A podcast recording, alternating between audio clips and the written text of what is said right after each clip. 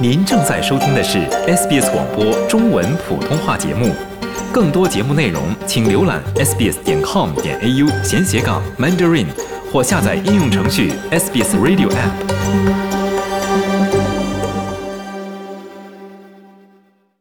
从法律角度看待社会现象，以专家意见指点生活迷津。请听现场说法。现场说法，您了解法律、咨询问题的空间。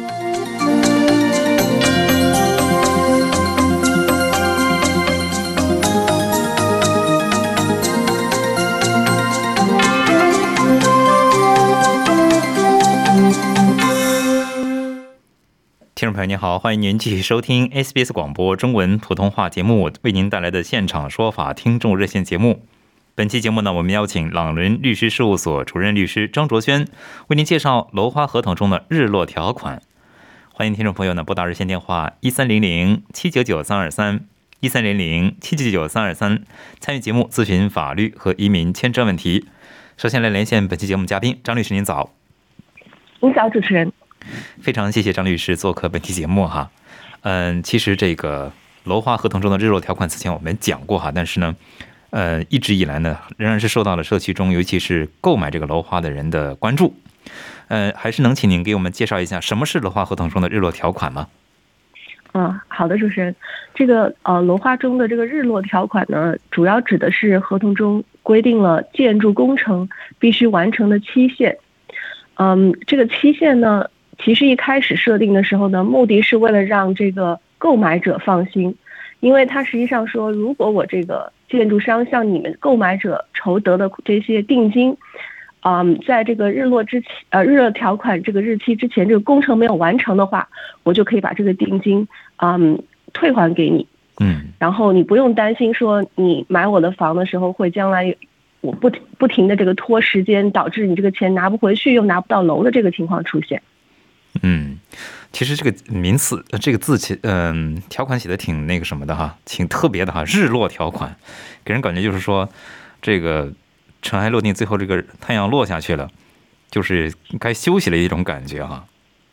嗯，就是它其实主要是为了写出来的话，让你这个购房的人觉得放心。比如说，就算是啊，我这个工程出了什么样的问题，到了最后，就好像一一天我努力了一天，我什么都没有做成，但是你这个钱呢？放心，还是可以还给你的。所以，他一开始的目的其实是为了让这些买家放心，投进去的钱不会像其他投资那样子，你可能有存在连本金都拿不回来的情况。嗯，就说我知道这个日落条款里面有个日期哈，这个日期，嗯，就是规定什么时候会完工这个工程哈。就说这个日期可以被改变吗？嗯，一些这个一开始的时候，其实在合同设定的时候是没有把它写的可以改变的。但后来呢，这些开发商发现有个问题，就是说，嗯，他们有可能在原来定的通常是两年呐、五年的这个期限当中的话，还是没有办法完成这个工程，而且这个情况出现的一些原因呢，是这个开发商没有办法控制的，比如说，嗯，像洪水啊。或者比如像这次最典型的疫情导致一些工程停工，他没有办法这些不类似于不可抗力、没有预见性的这些因素导致他没有办法完成的话，他就只能跟这些买家商量。那么为了说不要出现在跟买家商量这个情况，他又在这个条款中设定，他是在这种极特殊的情况下是可以将这个日期延长的。嗯。刚才你提到这个日期延长的这个可能性啊，就是说一些条件或者是一些原因。嗯，当时刚才您也介绍了这个为什么要设立这个日落条款，就是为了保障这购房者的一些嗯权益，减减少他们的一些担心哈。就说这个日期延期方面，如果就是双方存在比方说纠纷的话，这个日期延长日期这个原理由，如果是购买楼花者认为嗯理由不够充分，或者是这个理由。不太恰当的时候，谁来裁定这个理由是否是否合适呢？嗯，现在的话就是还历史上发生过两种情况，一种就像您说的，就是嗯，开发商要求延长的时候，然后这种情况下的话呢，嗯，通常这个买家如果不愿意的话，就会有买家提起诉讼。那么之前也发生过这样的事情，然后将这个案件是送到这个嗯。最高法院 Supreme Court，然后由 Supreme Court 来决定说，我拒绝延长这个期限，想要解约的话是否是可以。嗯，这是一种情况，还有一种情况呢，是由开发商提出来说，哦，我想要解除这个日落条款，我不想延期了。那么买家呢，之前也有把这个开发商带到法院去，要解决这个问题。嗯但是呢，嗯，后来法院发现的话，就是说最高院就发现这个不止一次发生，就是在嗯二零一五年左右前期吧，二零一四年的时候，悉尼房价呢跟以往前十年不一样，就迅猛的在几年之内就增长的非常厉害。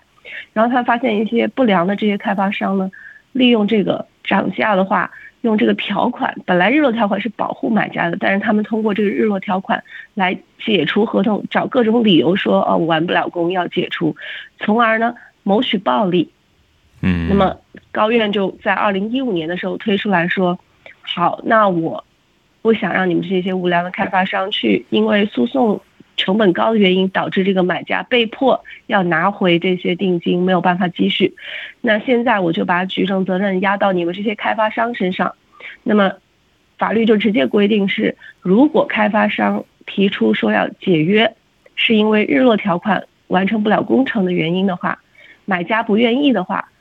在这种情况下，不再是买家去最高院去起诉开发商，而是由开发商自己要向法院做申请，然后由法院去审核说你这些条款是否合适，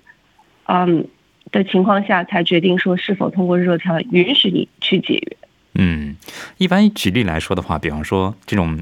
嗯、听您介绍应该是日用日落条款就是被滥用的情况哈。一般来说，这种滥用日用日落条款的这种情形会是什么样子的呢？举例来说，嗯，近期最典型的情况呢，出现的就是说，啊、嗯，这个开发商呢，先是用这个买家的定金获得银行的这个批款，然后呢，开始施工，但是呢，这个施工开始的时候的价格，比如说是十万，但是通常，特别是像悉尼现在的价格，您也知道，嗯一旦这个工程完工，大概是三五年之后，它的价格就不会是再像一开始，比如说十万的话，现在很有可能就会涨到二十万，对，甚至三十万这样的价格。然后这些当初以十万价格想要买房子的人呢，他呢已经没有可能再用十万块钱买回同样价值的房子了。但是呢，开发商就不一样了，他如果在这个时候解约的话，他就可以挣两到三倍，比以前更多两到三倍，而且他原来借款时候的这个困难也解决了。嗯所以说他们这个时候就会想一一切办法合理的去把这个东西解约，而且还美其名曰说，你看我还把你定金退了，我也没有拿你的钱呢、对。所以说就这种情况被滥用。像这种情况的话，作为这个购买楼花的人士的话，他们该怎么去规避这样子的滥用情况呢？呃，像我刚刚介绍，就是要利用这个二零一五年最新出来的这个法律。嗯第一的话，他们必须通过自己的律师非常明确的跟开发商，嗯开发商写信说要解除，是因为日落条款时候，他们必须明确的让自己的律师写回信跟开发商说我不同意。嗯然后第二的话，如果开发商是用任何的方法欺骗他们说这个那个的原因，你不可以这样子，你违约了，你要你要是违约的话，我要起诉你什么的话，他应该直接就跟开发商说，你没有办法起诉我，因为有法律规定。像这种情况，虽然它是合同规定，但是你不是说来起诉我违约，而是你应该到高院去申请批准，说你可以解约才行，否则你必须要完成这个合约。如果说你不完成合约，反而是我可以向法院提出来，让你进行履约，或者你甚至要赔偿比本金更多的钱给我，让我可以购买房产，利益不受到影响。嗯，非常谢谢张律师的介绍。听众朋友，您正在收听的是 SBS 广播中文普通话节目为您带来的现场说法听众热线节目。本期节目呢，朗林律师事务所的主任律师张卓轩为您介绍楼花合同中的日落条款。欢迎听众朋友继续拨打热线电话一三零零七九九三二三一三零零七九九三二三参与节目咨询法律和移民签证问题。接下来我们来接听听众电话，这位是马女士，马女士您好，哎，你好，你好，哎，您好，呃，主持人好，呃，嘉宾好，我就想我是从墨尔本打来的，我就想问一下，要是这个出租的房子订了十二个月的合同，在这期间，我要是卖房子的话，应该是没有什么影响的话，能不能就是啊，就是有有什么影响吗？不会有影响是吧？嗯呃，对，这位女士，您刚刚说的情况的话，是说您把这个房子分租给别人，还是说您整套整租给别人？啊，就是整个租给他们的，就是就是要是因为我我想打算卖房子，但是在这个期间，他就是要签一年的合同。呃，所以您的情况是说，呃，他跟您的租约已经到期了，是吗？呃呃，就是新签了一年的合同。要是我在这这一段时间之内卖房子，有没有影响呢？呃，是这样子的，根据这个法律规定的话，像您这种就是需要卖房子，当然是没有问题的。但是您需要的是给一个通知，去给这个租客，然后嗯，在这种情况下，您可以啊、呃卖掉房。具体这个您这个通知需要提前多久给这个租客呢？我现在是不太记得清楚，但是您直接上网站到这个呃叫做 Consumer Affairs Victoria 上面一查就知道，就是根据不同的情况的话，你要给这个通知的时间是多少。然后如果我没有太记错的话，就是您这种情况的话，给的这个通知时间是啊、相对而言是不是那么长的？嗯，而且并不属于您违约的。哦，这样。呃，另外我想问一下，就是呃，买房子的时候，中介呢，就是就是呃，介绍有说有一种人不不一定要请律师，是叫什么什么 comment 什么什么，我忘记那个名字了。过户师那那种人可啊 Convencer，，comment 啊，那个那种人可以就是代替律师去办这种手续，是吧？哦，是的，没有问题的，是符合规定的。然后我帮您查了，就是如果您房子要卖的话，给的通知应该是提前六十天给通知，让他可以有足够的时间的话，可以准备找新的房子。但是在这种情况下，只要您给足了六十天的通知的话，对方是不可以啊、说您违约的。但是他已经有一一年的租约啦。我没太听懂，您不是说您要跟他有这个意愿租约，您要解除，现在就要卖房吗？啊，不是不是新签的，就是我就是说，因为他一直在住我的房子，您是说他新签了您的呃新您租了您一前一年的房子，又续签了一年的，然后呢，您计划呢要卖房子了，这个时间呢，您只需要提前六十天通知对方说您要卖房子就可以了，是不是这样就？可以，他就是就是他还继续可以住在那里，但是我就可以直直接就把房子卖了，就这样是吧？哦，您是说您要带租客卖给另外一个人？啊啊啊啊！呃，我理解一下，您的呃疑问点哈，马马女士，您是不是说希望您在卖房期间租客还在里面住着，然后是这意思吗？对对，我就说卖房之间租客还在里面住着，而且还有租约的话，我是还可以卖房子的，是吧？啊，是可以。我以为您说你要，但是有一点是，通常如果你要卖房，告诉这个租客之后，租客是有权利选择离开的，你是不可以说他违约的。哦，那那那就好，没问题。对，但是您需要提前六十天通。知，对吧？啊，不是，是这样子。如果您想让他离开，然后你要去啊、呃卖房的话，他不能说你违约的话，你要给六十天的通知。但是如果说你你说我要卖房，马上跟他讲说，租客说我不想在你这儿住了，那么你就不能说他违约，他不用给你六十天通知，他可以随时走。嗯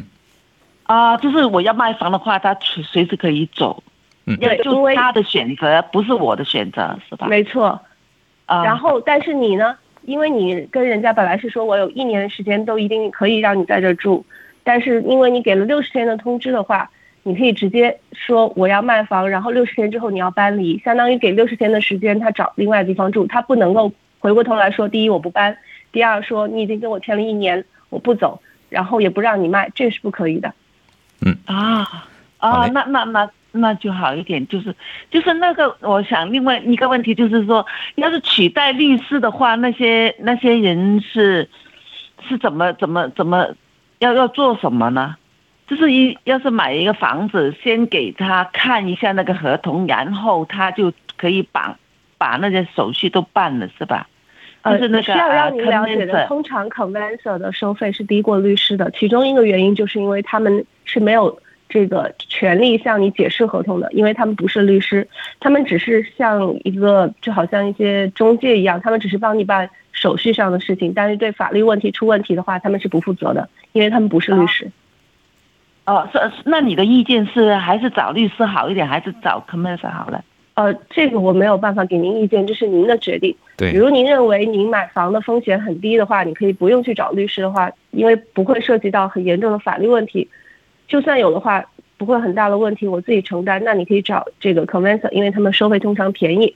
然后，如果说我真的，比如买了房子本身是遗产房，或者是有比较大的合同上的问题的话，我看不明白，我就是担心的话，那你肯定是找律师会比较安全一些。嗯啊，好的，谢谢好的马女士谢谢您。好，谢谢谢谢。那么，听众朋友，欢迎您继续拨打热线电话一三零零七九九三二三一三零零七九九三二三，来向做客现场说法节目中的张律师现场咨询法律和移民签证问题。接下来接听下面一位听众电话，这位是邓先生，邓先生您好，哎，你好，您好，您请讲。哎，我想咨询一下，呃，我在我生活在布里斯班，嗯、住的是 house，我想修一个 fence，就是本来后院是有 fence 的和邻居，前院是没有的，现在我想把前院也修一个 fence，嗯、但是邻居不同意，他有这个权利阻止我修吗？呃，是这样子的，他有这个权利提出不同意，但是您嗯还是可以向 council 提交你的申请。但是 council 嗯一般拿到您的申请之后，会就是询问你周围的邻居是否同意，特别是如果工程比较大的话，因为他这时候提出反对的话，那您可以做的就是，嗯，可能会跟 council 就是因为您可能不需要用到 planner，直接跟 council 解释的话，会有一些原因，他们对方要提出来之后，你可以做解释，但是你也可以找一些专门的 town planner，也就是专门帮你跟 council 打交道的人去帮你做申请和解释的时候，把这些问题解解决掉。实在是你们的矛盾没有办法进行调和的话，那么你还可以把这个案件送到法院去，由法院来裁判说，啊、究竟这个事情是否可以进行。啊，嗯呃，就是说，如果我自己强行修了一个 fence 的话，他是不是可以让，嗯、就是说起诉我，让我拆掉这个 fence？是的，首先您不太可能强行，原因是因为您需要拿到 council 的批文。如果说他直接嗯跟 council 提出反对的话，那么 council 有可能连这个批文你都拿不到。不是，不是说在 fence 在一米二以下是不需要经过 council 批准的吧？呃，具体因为我不在您当地的这个 council 的这个地方工作，所以你可以跟 council 确认这个东西你是不是需要批文。但是正常来讲的话，其实你都是需要 council 的批文的。啊，如果说像您说的，具体有 council 的规定说多少米之下不需要批文的话，那您可以去做这个事情。但是就像刚刚讲的，第一，他还是可以向 council complain，council 可能还是会过来，因为他如果说呃你只是一个小的栅栏，不会影响到他生活的话，他是没有什么理由可以去提出 complain 的。但是如果说你这个东西可能是真真的会造成他很大的问题的话，那他肯定是可以向 council 提出 complain，然后 council 可能还是会发现你这个东西由于某些原因需要批文的，他还是可以给你发通知说你这个东西是哪里哪里有问题，他们认为需要得到批文或者需要进行整改之后才能够继续保留的。嗯邓先生好的，好的，好嘞，好嘞谢谢谢谢谢邓先生，祝您顺利。嗯，接下来我们接听下面一位听众电话，这位是安女士，安女士您好，哎，您好，哎，您请讲，是我吗？是您，哎。是这个，我想请问一下律师一个移民的问题。嗯。啊，是这样，呃，我呢有一个呃，就是亲戚，他呢就是之前有担保过别人，但是后来这个 case 也不了了之了。那现在他呢一些呃以前曾经存档的文件呢，他也找不着了，我不知道他在 email 发生什么问题。他现我的 question 是什么呢？就是那么呃，他怎么样才能查询他是不是还具有担保资格，或者是等多少时间他才可以担保配偶移民？我就想问一下，能从哪去可以查询一下？嗯怎么查询？对，通常情况下的话，像您说的，他如果之前担保过别人，但是没有成功的话，应该是不会影响到他就是一生当中可能一般情况下只有两次的机会担保别人的这种，呃，就是限额吧，可以这么讲。他如果说找不到之前的资料呢，他可以通过这个嗯政府的一种叫做嗯这个 FOI，也叫做信息获取的一个方式。嗯，具体的方法呢，他可以试着打一下这个移民局的热线，去问一下别人这个 FOI，也就是 FOI，就是 FOI 这样子的。 F 叫什么 F O F F O F for I summary 是吧？F for F O I 嗯，yes，哎，对，F O I F for flower，O for out，I for indoor out 那个那个那个对哦 F O R I yeah information 那个你啊， 对对对，information 的一个获取的一个政府的一种方式，就是说它一般可能会提供一些表格，你要进行签字，就可以调取出来你之前所有的关于你在政府所保留的那些信息，然后这是一个方法，知道他之前的信息。第二个的话就是他想知道有多少个啊、多少次的这个情况，政府一般不会给你任何建议，因为这种建议其实已经上升到有可能会负法律责任的程度，所以他不会跟你讲说哦你还有几次机会。那你得到这些信息的最好方法就是啊、拿到信息之后去找一个移民中介或者是移民律师，让他给你意见，因为这种情况下他们要对他们的意见负责的。那啊，具体的话就是一般情况下，通常来讲的话，应该是说，如果你担保完一个人之后，五年之内不能担保担保，没有特殊原因的话，五年之内的话不能担保第二人，一辈子只能担保两个人。但是这个担保的话，如果就像您说的没有成功的话，应该是不受影响的。但是问题是在于，如果对他认为没有成功，但对方实际上通过，比如说最经常见的就是家暴令的原因获取了这个，呃，签证，他没有继续担保完签证的话，还是会拿掉他一次这样的资格的。就是他想查一下，因为后续的后续的都失去联系了，不知道怎么回事了。所对，以我只是跟您讲说您可能第一查不到这一些，因为家暴令的这些下达的签证的信息的话是不会给你的，是属于对方的。哦，然后如果是这种情况下，你是没有办法知道他有没有的，对嗯。然后呃，你可能只有在申请的时候的话，为下一个人申请的时候才会被人提出这个这个情况。但是一般情况下，即便是这样子的话，你还是可以做出一些解释。打个比方说，他他就算超过了两次，或者是超过了五呃，就是没有到五年就担保另外一个人，但是现在这个人已经跟他有了孩子，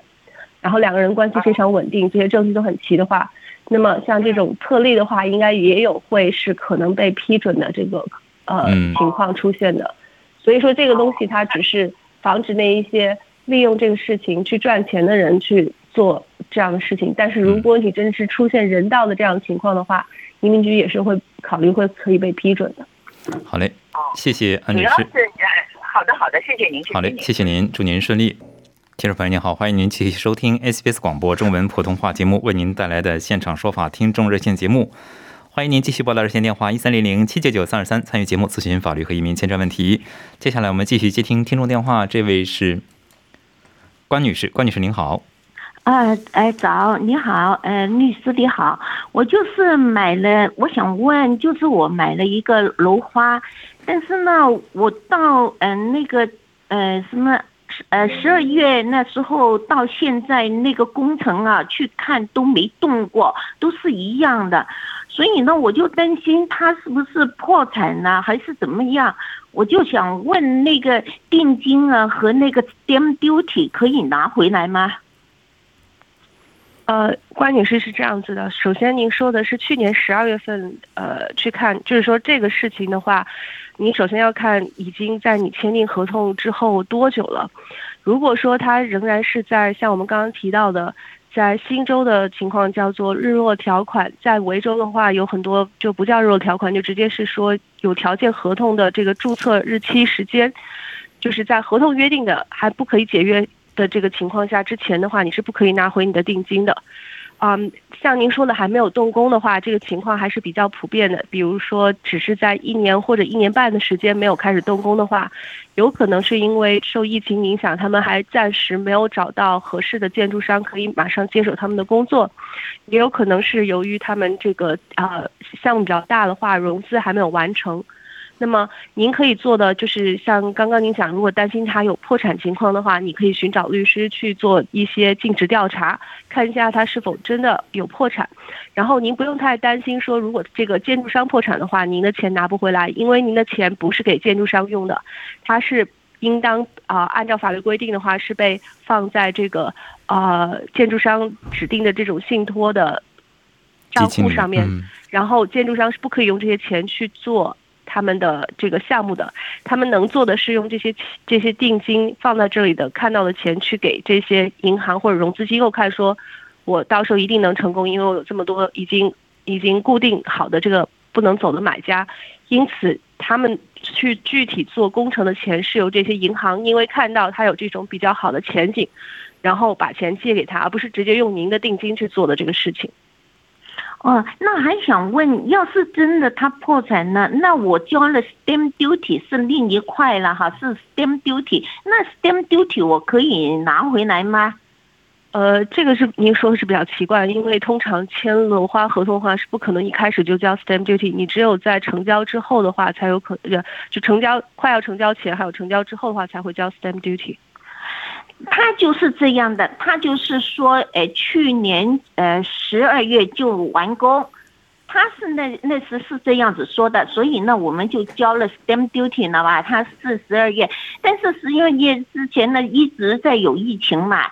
那那就没了，那就是呃我们呃就是一月份去看呃看那没呃样子，到今年呃。昨天去看那个样子还是一样的，一点都没动过。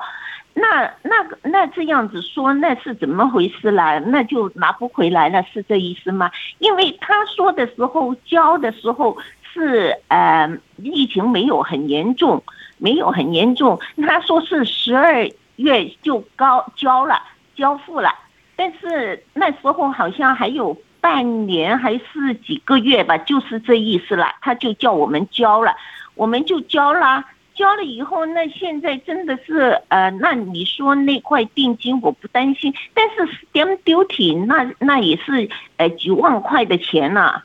所以我就担心这个啊。呃，你说的这个东西是比较奇怪的，因为你们这个地并没有成交，而且也不是马上成交状态。如果说已经交付了这个印花税的话，应该是有一定问题的。嗯，但是理论上，如果他真的这个钱是交印花税，但是你没有成交的话，你应该是可以管这个呃税局，就是州税局把这个钱要回来的。所以我觉得您需要马上联系您代理您这个案件的律师，让他跟你解释清楚，究竟这个 stamp duty 是交了还是没有交，交到哪个地方了？因为你交这个 stamp duty 的话，就是这个呃 state revenue office，也就是州的这个税局的话，应该会有相应的文件去给你证明说你交了这个 stamp duty 的。好嘞，请关女士您自己联系，因为时间关系就不得不打断两位了。非常感谢张哲勋律师做客本期的现场说法节目。那么，听众朋友，以上就是今天两个小时的中文普通话节目。我知道因个人情况因人而异的法律问题复杂呢，本节目仅提供一般性参考，并无意提供任何个案法律建议。具体法律纠纷，请您咨询专业的律师。我是刘俊杰，明天同一时间仍然与您准时相约。喜欢、分享、评论，欢迎您在 Facebook 上关注 SBS 普通话页面。